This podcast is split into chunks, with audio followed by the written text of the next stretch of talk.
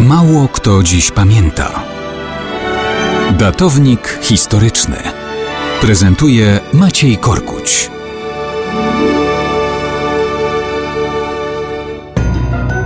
Mało kto dziś pamięta, że 6 października 1873 roku zakończył ziemski żywot jeden z największych europejskich podróżników i odkrywców XIX stulecia Paweł Edmund Strzelecki.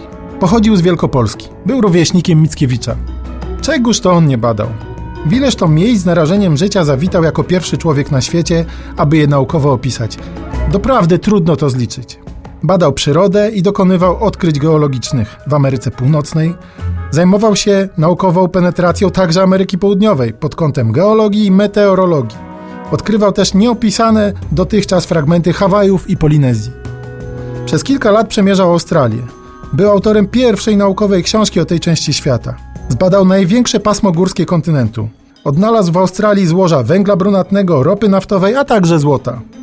Jego dziełem była dokładna mapa geologiczna Nowej Południowej Walii i Tasmanii. Podróżował naukowo także po Indiach, Chinach i Egipcie. Prowadził także badania paleontologiczne, botaniczne i zoologiczne. Był wielkim polskim patriotą. Kiedy odkrył najwyższy szczyt Australii i Oceanii, nazwał go, a jakże, Górą Kościuszki.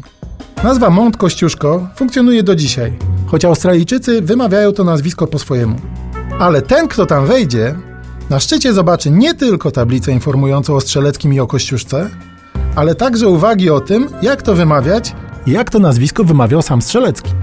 U podnóża góry stoi wielki pomnik odkrywcy, a na świecie są i nazwy na jego cześć. Są w Australii Góra Strzeleckiego i Góry Strzeleckiego. Jest rzeka, pustynia, a także rezerwat przyrody Strzeleckiego.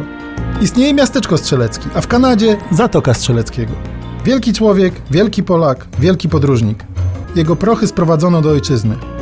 Kiedy więc zawitacie do Poznania, nie zapomnijcie położyć choćby kwiatek na grobie Pawła Edmunda Strzeleckiego w kościele świętego Wojciecha.